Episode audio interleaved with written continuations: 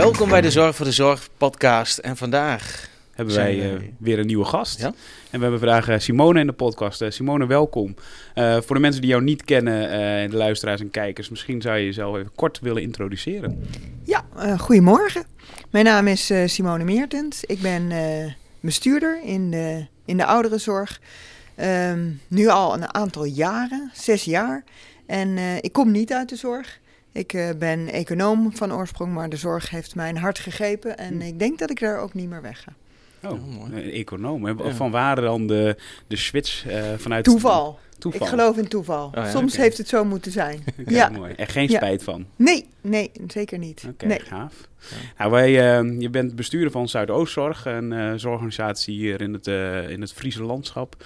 En ehm, wat ik heel ja, mooi vind en eigenlijk eh, een beetje ook over verwonder als ik bij jou in de organisatie loop, is hoe mensen, eh, als ik met mensen praat, hoe zij dan ook zich ja, op hun talent ingezet vinden, voelen, zeg maar. Ehm, en ik krijg dan altijd een beetje het gevoel dat jij daar ook een hand in hebt gehad. Eh, en dat weet ik natuurlijk niet helemaal zeker, maar hoe, zie, hoe ervaar jij dat? Ja, dat is, eh, nou, ik zou het te groot krediet vinden voor alleen het bestuur. Maar dit is wel iets, dat is een proces van jaren. Mhm. Ik denk dat wij in 2009 begonnen zijn, toen was ik er nog niet. Eh, mijn medebestuurder Anke, die eh, is toen begonnen met de cliënt echt centraal te stellen. En wat is daarvoor nodig? Dat is de medewerker centraal, rondom de cliënt. Mhm. En hoe ga je dat dan doen? Hoe zorg je dat iedereen ondersteunend werkt aan het primair proces? En dat is een beweging, daar zijn we nu al elf jaar mee bezig. Die stopt ook nooit. En eh, dat is wel op een hele andere manier naar de medewerker kijken. En eigenlijk alles doen eh, ten faveur van die medewerker, zodat die zo goed mogelijk zijn werk kan doen. En dat eh, is luisteren naar de medewerker. Daar begint het al bij. Wat heeft hij nodig? En, en, hoe doe je dat dan? Want ik wil, je begint op een gegeven moment, en het is eigenlijk hè, vanuit een soort visie, begin je als be- bestuur en nou, jouw, eh, jouw collega bestuurder, die is daarmee begonnen dan ooit. Maar waar loop je dan tegenaan en hoe, ja, waar start je eigenlijk? Ja, wij zeggen heel vaak, we bouwen de brug terwijl we erop lopen. Mhm. En eh, dus dat we ook van tevoren niet wisten hoe lang dit traject zou gaan duren. Maar eh, het zijn twee geleidelijke processen geweest. Aan de ene kant werk je heel erg eh, met de zorg, kijk je naar de rolverduidelijking. Waar zijn zij, waarvoor zijn zij op aarde? Wat is hun, hun primaire doel? Mhm. En wat hebben zij daarbij nodig? En aan de andere kant eh, heb je ook het leidinggevend kader. Zijn we langzaam de lagen gaan afbouwen omdat dat eh, niet helpend is als je door al die, die lagen moet iedere keer. Dus we zijn steeds dichter naar die medewerker toegekropen, zeg maar. En dat noemen wij de verplatting. Dus die twee bewegingen zijn tegelijkertijd gegaan. En de laatste tijd, ik denk een jaar of drie, vier, zijn wij het proberen om te draaien, hebben wij het eigenlijk omgedraaid dat je vragen gaat stellen. Mhm. In plaats van dat je al denkt hoe het zit, ga je eerst eens vragen hoe het zit. En dat proberen we nu iedereen in de hele organisatie. Stel eerst eens een vraag. Mhm.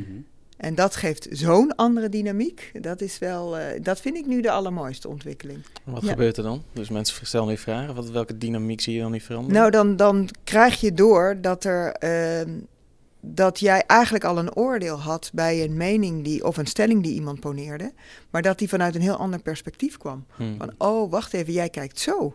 Hé, hey, maar als jij zo kijkt, laten we dan eens onderzoeken wat je nodig hebt. Mhm. En dan krijg je een hele andere, andere discussie en ook een andere dynamiek. En Ja, dat is mooi. heel mooi om te zien. En dat maakt dat mensen makkelijker opstaan. Ja. Ja, gaaf. Ik zie ook wel gelijk echt een combi tussen eh, design thinking. Hè? Dat is ook eigenlijk gebaseerd op. Hè? Je, je hebt aannames en die ga je uiteindelijk toetsen van... oké, ik denk dit. Maar en als je dan de vragen stelt, maar oké, maar de, de waarom-vraag... Hè, die wij heel vaak ook stellen, van dat iemand zegt... Ja, we moeten deze innovatie inzetten, we moeten dit gaan doen. En als je dan dat helemaal afpelt, dan kom je echt tot de kern... en dan gaat het soms over hele andere eh, uitdagingen. Ja. Ja. En dan merk je dat de zorg het ook soms best wel moeilijk vindt. Oh, Zeker. Maar wat heb ik dan precies nodig? Ja. Ja, die, die vraag, dat is eh, best wel moeilijk te beantwoorden.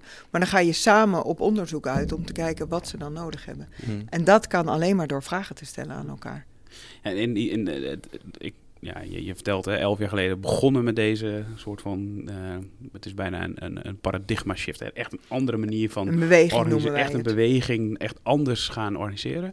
Eh, elf jaar eh, zijn we nu bezig. Maar wat je vaak hoort, of niet een maar is het verkeerde woord, maar wat, ik, wat er eigenlijk is, is die technologie gaat steeds sneller. Hè? Dus de, de- er wordt steeds sneller verwacht dat je verandert. Hoe kun je die twee, die veranderende wereld, ook matchen met een organisatie? Of hoe doe je dat? Die, die twee snelheden heb je eigenlijk. Ja, en, en de kracht van deze beweging is dat je niet meer twee mensen nodig hebt om te veranderen, maar dat iedereen uh, uh, een andere kijk gaat krijgen op wat gebeurt er nou en zichzelf vragen gaat stellen. En wij merken nu dat de kracht van de organisatie dat die veel harder gaat. Mhm. Ja, dus dat het niet meer bij een paar mensen zit, maar bij veel meer. En dan kom ik eigenlijk terug bij jouw eerste vraag. Het lijkt wel alsof als ik door jouw organisatie, of niet mijn, onze organisatie loop, van, dat je ziet dat mensen veel meer um, vanuit hun kracht worden ingezet. Ja, en als je dat voor elkaar krijgt, dan heb je ook maar heb je veel meer mensen om die hele beweging op gang te brengen en in te spelen. En, en te zien van, oh wacht even, er, dit verandert, dat betekent iets in mijn eigen gedrag. Ja. En, en uh, je hoeft de vraag niet te beantwoorden, maar selecteren jullie ook bij op een gegeven moment dat je denkt, oh, dit, dit is ook bij het aannamebeleid. Je denkt, nou, maar dit is eigenlijk het type mens wat wij zoeken. Is dat, is dat, maken jullie daarin bewuste keuzes? Of wij vragen heel erg door, want we hebben inderdaad, we, niet iedereen past bij, uh, bij Zuidoostzorg. Want het zit heel erg op die eigen verantwoordelijkheid. Mhm. En ook dingen gaan anders dan je denkt Hmm. en van tevoren had bedacht. En daar moet je tegen kunnen. Dus dat vragen we heel erg uit van waar ben je dan precies naar op zoek? Want wij, wij hebben echt wel mensen gehad die zeggen van ja, nee, ik wil gewoon taakgericht aangestuurd worden. Hmm. Ja, dat is prima. Weet je, die mensen zijn er ook en dat is helemaal prima. Maar dat zijn niet de juiste mensen voor Zuidoostzorg. Nee.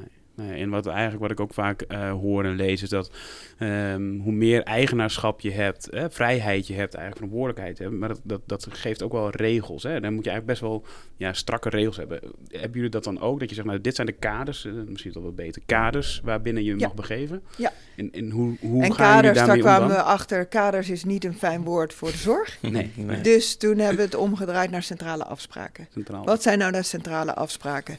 En daar hebben we inderdaad, ja, dat is ook een proces waar je ingaat. En dat heeft ook best wel tijd gekost om dat goed voor de bühne. Wat zijn dan die centrale afspraken? Ja.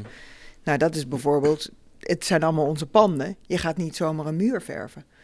Dat, eh, of je gaat eh, zomaar een muur verplaatsen. Dat zijn, dat zijn grote dingen, vastgoeddingen. Dat Hmm. doe je thuis ook niet. Dus Ja. daar, eh, daar ga je echt, daar moet je wel een aanvraag voor doen. En dan gaan we kijken van wat, wat wil je graag. Ja. En is het dan, eh, komt daar dan veel weerstand tegen dat soort afspraken? Want het, ja, ik had toch vrijheid. Hè? Ik, ik denk dan even aan mezelf toen teamleider was. En dan, wilde ik vooral regie hebben over mijn eigen afdeling. Eh, zijn het dan nog, heb je die gesprekken dan ook met teamleiders? Hè? De waarom, zeg maar, wordt die dan goed uitgelegd? Of hoe doen jullie dat?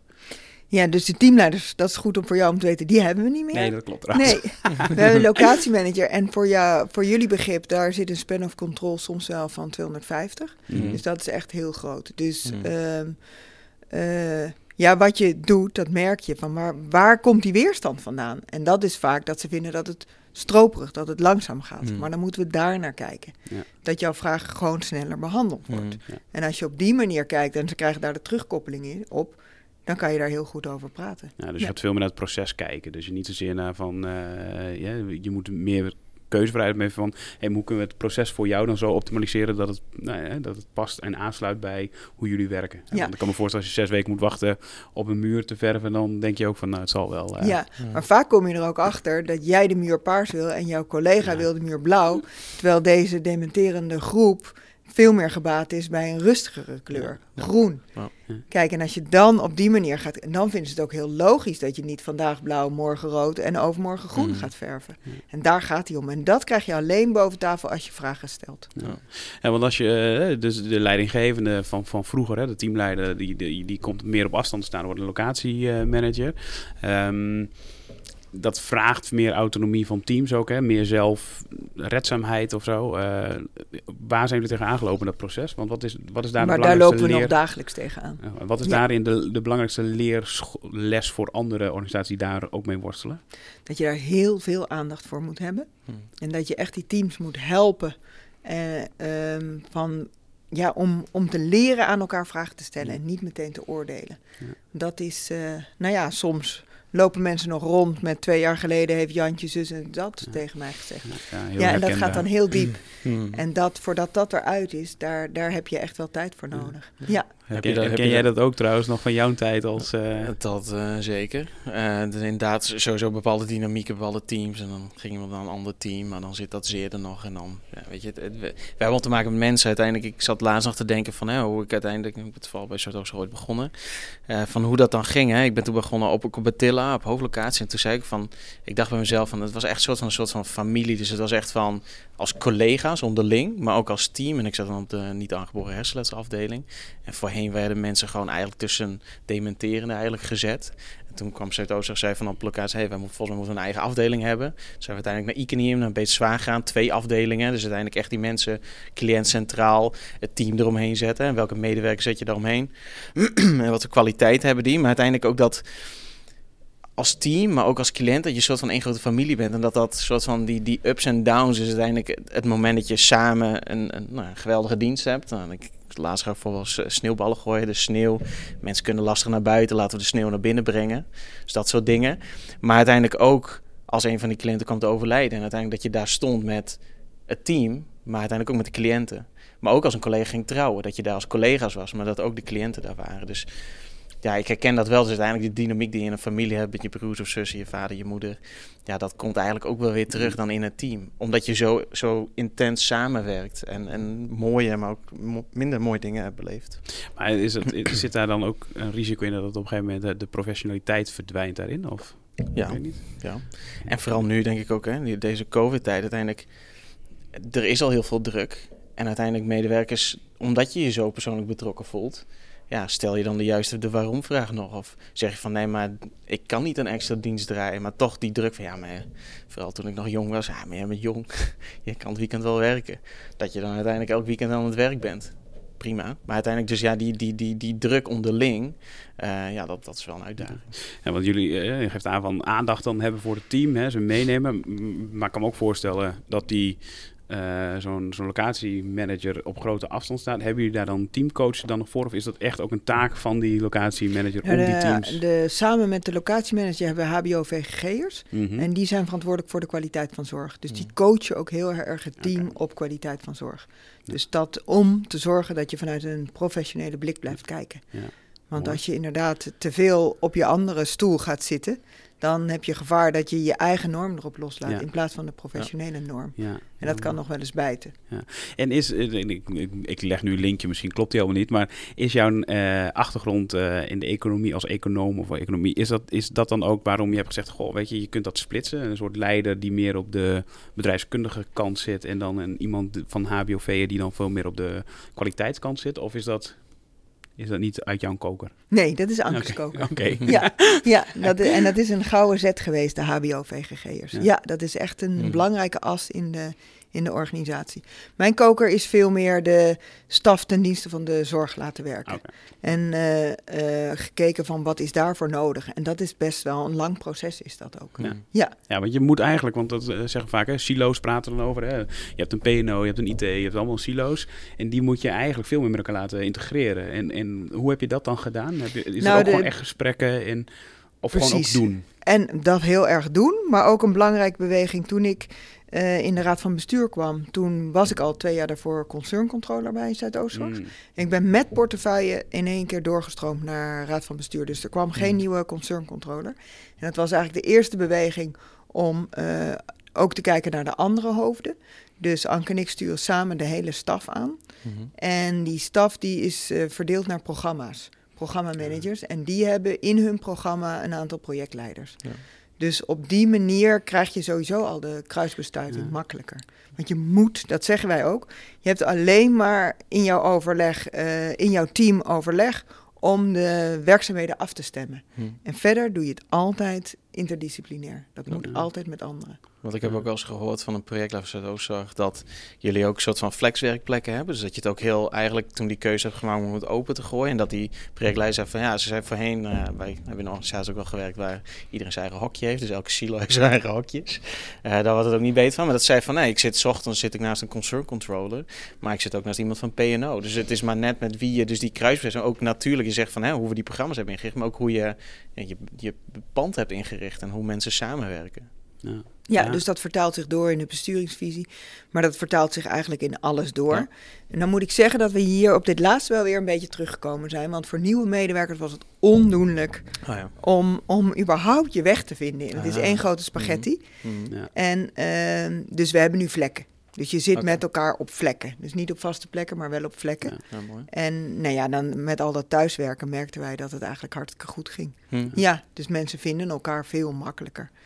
En het mooiste vind ik nu, iedereen had nog zijn eigen jaarplan. En we zijn nu al zover dat, het eigenlijk, dat mensen erachter komen, maar waarom heb ik eigenlijk nog een eigen plan? Hm. Als ik zo met jou optrek en zie waar wij aan werken, dan hebben we eigenlijk een gezamenlijk plan. Ja, En dat moeten we met de zorg maken. Ja. Dus eh, gaaf. ja, dat dus mooi. dat is de volgende beweging. Ja, het doet me ook heel erg denken aan de tribes en eh, goh, hoe heet die andere, is zo'n theorie van de, hè, over dat, dat, dat je dus niet meer in silo's, maar dat je eigenlijk gewoon dwarsverbanden maakt door je organisatie. Dat je nog wel, PNO heb je nog steeds eh, Mhm. in de vorm van, hey, ik heb vragen over eh, specialistische juridische dingen hè, rondom PNO. Dan heb je nog wel je collega's, maar eigenlijk zit je allemaal in een soort van ja, werkgroepen, zeg maar, die gewoon dagelijks met eh, nou ja, collega's werken. Ja. Ja, ik vind het wel. Het klinkt eh, als een, eh, als een leuke, leuke plek om te werken. Ja. Krijg je dat ook terug als eh, bestuurder van, je, van, je, van de medewerkers? Dat zegt, nou, ik ben blij dat ik bij Zuidoost werk. Ja, ik vind dat wij eh, bevlogen en betrokken medewerkers hebben. Ja, dat komt ook uit ons medewerkersonderzoek. Hm. En dat, eh, nou, dat geeft ook wel steun dat, dat je zo door moet. Ik geloof ook, maar dat zit ook echt diep. En dat hebben Anke en ik allebei, dat jullie, jullie generatie, niet anders wil. Jullie willen niet in harken werken. Jullie willen Nee. niet in de hiërarchie werken. Ja. Dus wij denken dat wij op deze manier veel meer klaar zijn voor de nieuwe, nieuwe generatie. Ja. Dat die op deze manier willen werken. Nou, mooi dat je eh, überhaupt zo denkt. Want ik kom heel veel bestuurders tegen die dat toch al een hele grote uitdaging vinden. Maar het is ook spannend natuurlijk, hè? Is want het het gaat ook. over controle. eh, Tuurlijk. hè? Want, want, want, een, want een, een hiërarchische structuur geeft gewoon over het algemeen het gevoel, gevoel zeg ik Mhm. vooral, Hm. van dat je heel goed controle hebt over de voortgang. He- hebben jullie dat ook zelf echt moeten loslaten? Of zit het al in jouw natuur dat je meer eh, de verantwoordelijkheid bij anderen neerlegt? Nee, dat is. eh, nou ja, het is een driver voor mij om het zo te doen. Maar dat gaat niet vanzelf. Nee. Nee, dat is jezelf er nog iedere keer op betrappen van... oh, maar moet ik het wel doen? Waarom doe ik het eigenlijk Ja. nog? En dat is vertrouwen kweken bij elkaar en af en toe. En ook laten zien van als het niet zo gaat zoals je zelf had verwacht... dat, mensen, dat je daar met elkaar wel over praat van... Ja. goh, hadden we dit ook anders kunnen doen? Dus reflectie is een hele belangrijke voorwaarde om het zo te kunnen doen. En doen jullie dat dan eh, samen hè, met je collega-bestuurder? Of, of reflecteren jullie open met, ook met anderen? Juist, dat me iedereen moet reflecteren. Dat is een moed. Hm. Ja. Dus- Ja, ooit eh, zijn we begonnen met de vijf R'en. Dat je eh, ruimte, wij, wij zijn er voor de richting Hm. en wij moeten ruimte geven. Maar dan eh, moeten mensen wel eh resultaatverantwoordelijkheid kunnen dragen, dus rekenschap afleggen en eh, kunnen reflecteren.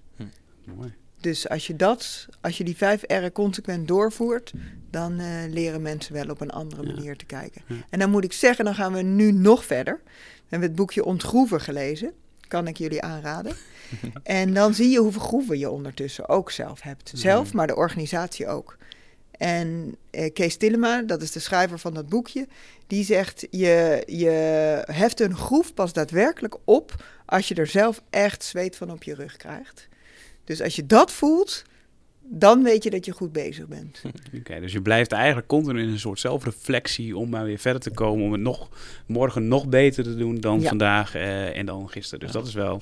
Nou, en helemaal als je kijkt naar de ontwikkelingen van nu en die technologie, als we even terug gaan naar technologie, gaat zo hard. Weet je, uiteindelijk de overheid kan, kan nog niet meekomen. Grote bedrijven hebben wel moeite om mee te komen. Dus ja, juist die, die zelfreflectie elke keer om maar sowieso dat talent aan te, aan te wakken. Nou, toevallig hadden we laatst een gesprek met, het ging over de slashies. Hè. Dat is natuurlijk de slashy generatie, dat jongeren meerdere dingen willen doen. Dus ik wil bij Zuidoosten werken, maar ik wil ook mijn, eh, mijn koekjes bakken. Maar ik wil ook mijn blog doen. Of ik, en dus de jonge de generatie, dan mijn generatie dan, laten we daarover houden. Dus wil heel verschillende dingen doen. En uiteindelijk hadden wij dan een gesprek met eh, een partij die dan jonge artsen, en gewoon jonge artsen zeggen van ja, ik wil arts zijn, maar naast dat ik arts ben wil ik ook wat anders doen. Maar in de hele medische wereld is er eigenlijk geen ruimte voor. Dus of jij kiest, eh, wat was het, wetenschap volgens mij. Er zijn gewoon, dit is wat je kiest en je kan niks anders kiezen. Terwijl de jonge arts zeggen, maar ik wil veel meer. Ik wil veel meer dan arts zijn. Ik wil ook met technologie bezig zijn. Ik wil ook impact maken in de maatschappij. Ik wil, dus uiteindelijk zie je wel inderdaad die verschuiving. En op die manier, wat je zegt, nou, zo behoud je talent. Eh, anders dan eh, ja, lopen ze weg. ja, eigenlijk- Medewerkers moeten het goed hebben. Ja. Ja, maar dat, is ook, dat zeggen we ook vaak. Hè? Dat is het goud van de organisatie. Ja. Uh, en je goud moet je koesteren. Daar moet je heel veel aandacht. En wat jij net zei van, hè, we hebben het even over tech terug te komen. We hebben het helemaal niet over technologie bij uh, met jou. Hè? En dat vind ik wel heel gaaf. Want uh, hoe ik het dan zie, is dat jullie eigenlijk veel meer op de mens inzetten om die mee te krijgen met die veranderende wereld. En die technologie komt dan wel. En dat is eigenlijk ja. ook een beetje ons motto altijd. Dat we zeggen, ja, technologie, weet je, dat is een, is een middel om je doelen te halen. En, Ja. en, maar we moeten veel meer investeren op de veranderende mens en de veranderopdracht. En, en het lijkt dat jullie die veranderopdracht heel helder hebben eh, voor jullie als organisatie. En dat je daar gewoon continu op blijft investeren. Ja, ik vind dat wel heel ja, mooi om te horen en ook wel ook om te zien, weet je. Want je ziet het ook terug. En dat is, dat is nou dat wil je uiteindelijk. Hè? Je wilt het ook terugzien. Maar als we dan toch over technologie hebben. want ik, want dat is favoriet onderwerp. Ons favoriet onderwerp. Wat, wat is, wat, hoe gaan jullie daar dan mee om? Want uiteindelijk moet dat ook komen. Of moet, maar daar, daar zijn jullie ook echt wel mee bezig. Wat zijn nou dingen waar jullie uh, op inzetten momenteel als we kijken naar technologie? Nou, uh, gisteren bijvoorbeeld hebben wij een belangrijk doorbraak met de Smart Glass. We zijn in de mm. Zuidoosthoek, liggen die locaties wat verder van elkaar. Mm. Zijn we aan het kijken van uh, de Smart Glass. Zou daar echt, ook met de wondverpleegkundige en met de verpleegkundige bereikbaarheid, zou daar echt een oplossing kunnen zijn voor de reistijden? Mm. En uh, wat merkten we? We hadden best wel veel smart glasses aangeschaft. Mensen gingen er heel enthousiast mee aan de gang, maar de wondverpleegkundige bleef komen. Dus toen zeiden we, en dat vind ik heel mooi dat de zorg zelf gisteren, nou ja, deze week gezegd heeft. Maar wat als we nou eens afspreken dat de wondverpleegkundige niet meer komt? Nou ja, dat is een groef. Ja, ja. Dus daar, uh, daar krijg je dan inderdaad wel een beetje zweet van. Maar waarom niet? Laten we het uitproberen. Ja. Dus, en dat heeft de zorg gezegd. Nou, hoe mooi is dat? Dus ik denk, dit zijn belangrijke stappen. En dan zie je de trekkende beweging vanuit de zorg. En dan gaat hij. Ja. Daar heb ik volste vertrouwen in. En dan moeten we het blijven monitoren, blijven reflecteren. Maar ja, dan is mijn rol ook uh, inimini. Dan vind ik het heel erg leuk om af en toe daar te gaan kijken. Om te kijken hoe het werkt. Hmm.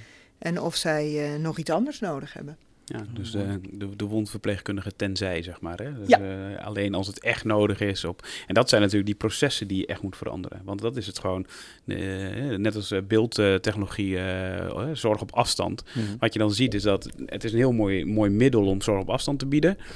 Maar het gaat dan in de thuissituaties wordt het wat meer toegepast. Uh, en wat je dan ziet is dat die zorgkundige of die verpleegkundige eigenlijk drie keer in de week bij mevrouw of meneer thuis kwam. Maar dat is ook een ander moment. Het is, het is meer dan alleen maar even de pillen of de kous. Of de, het is ook dat contactmoment. Mm -hmm. En daar moeten we dan volgens mij heel veel aandacht voor hebben uh, bij die verandering. Is van, hè, je ziet hem nu via beeld. Maar dat gevoel wat iemand heeft van, hé, maar nu zorg ik niet goed.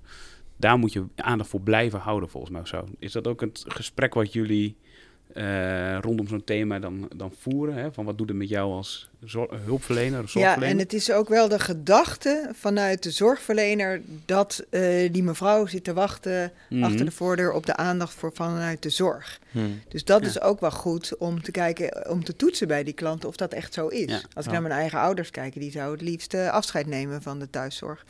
Ja. Maar helaas kan dat niet. Maar dus dat is inderdaad van, daar zou je dus ook die vraag moeten stellen. Ja. En dan moeten kijken, kan je niet op een andere manier de aandacht organiseren? Want daar, ik geloof, weet je, daar zijn te weinig zorgmedewerkers voor. Ook in, zeker in de toekomst met het eh, groeiend aantal ouderen. Dus dat, maar ik wil nog even terugkomen op die smart glass. Een Mhm. bijkomend voordeel is dat je nu op afstand kijken ze mee naar de wond. Mhm. De eh, verpleegkundige aan de, aan de andere kant, die leert, dus niet de wondverpleegkundige, maar de Mhm. verzorgende, die leert meteen veel meer.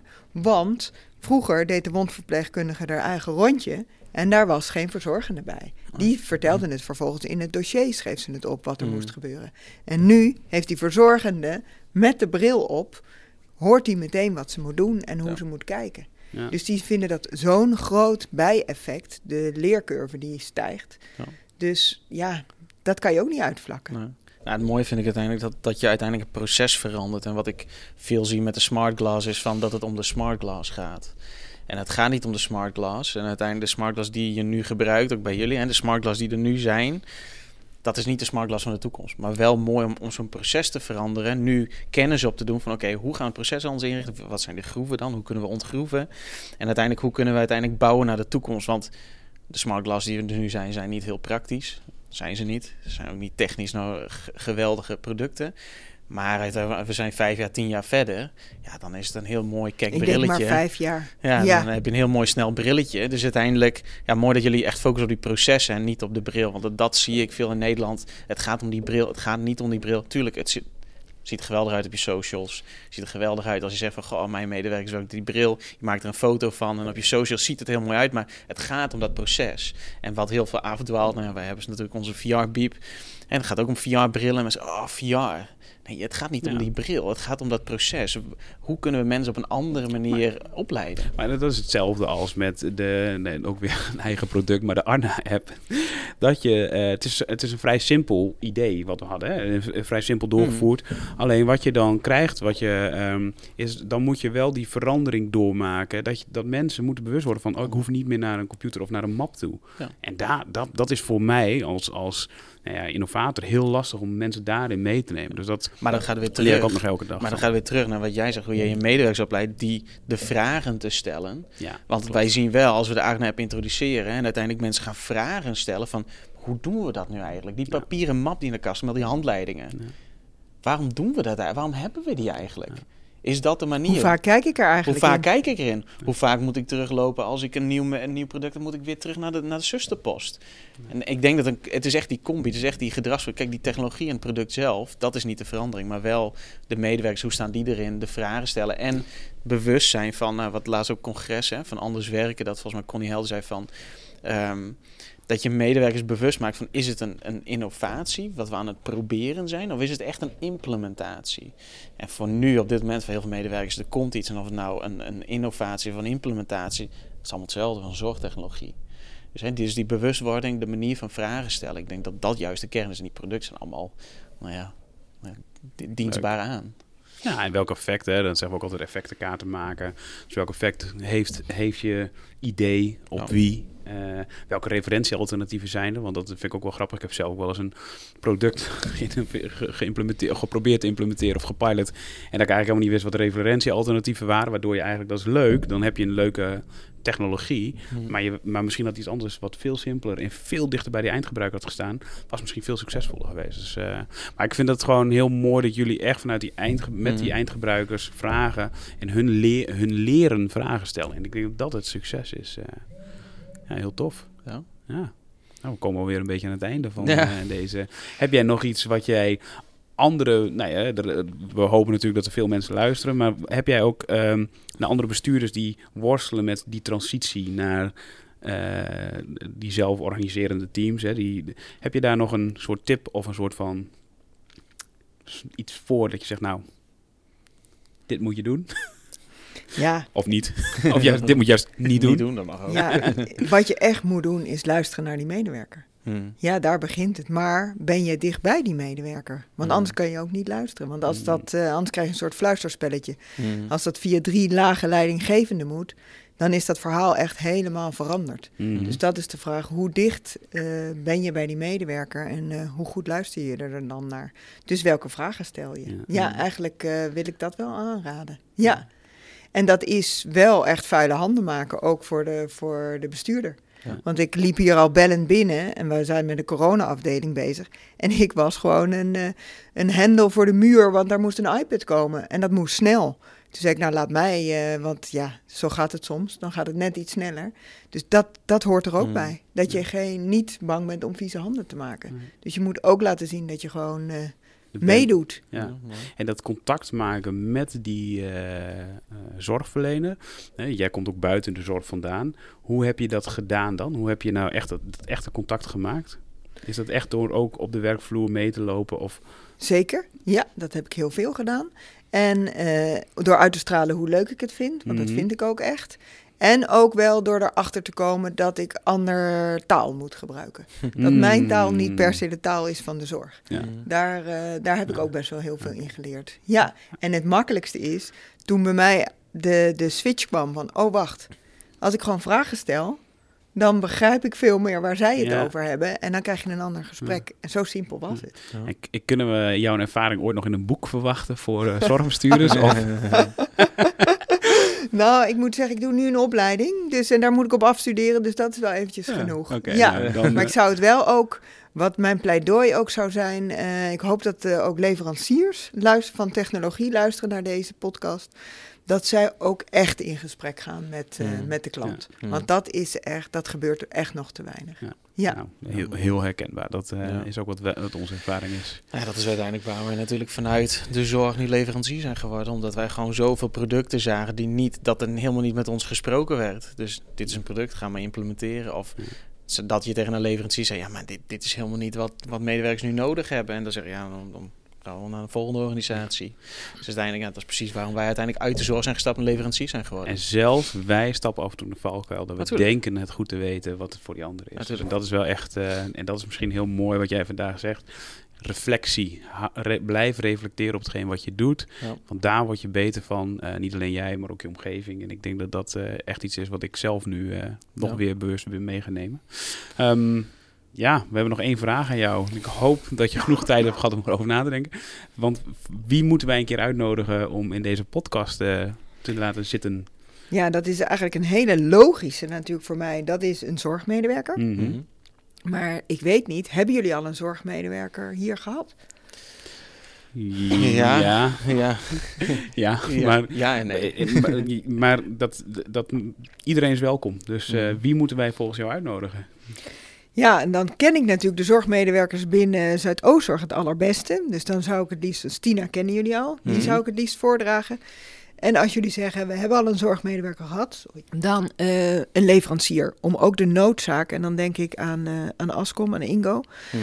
dan om ook daar de noodzaak voor eh, de technologie voor de thuissituatie. Ja. Nou. Ik denk dat die veel harder moeten gaan opschalen namelijk. Mooi, nou, ja. Gelijk een... eh, We hebben direct twee. We gaan Ja. twee mensen uitnodigen. leuk, Stina. Stina.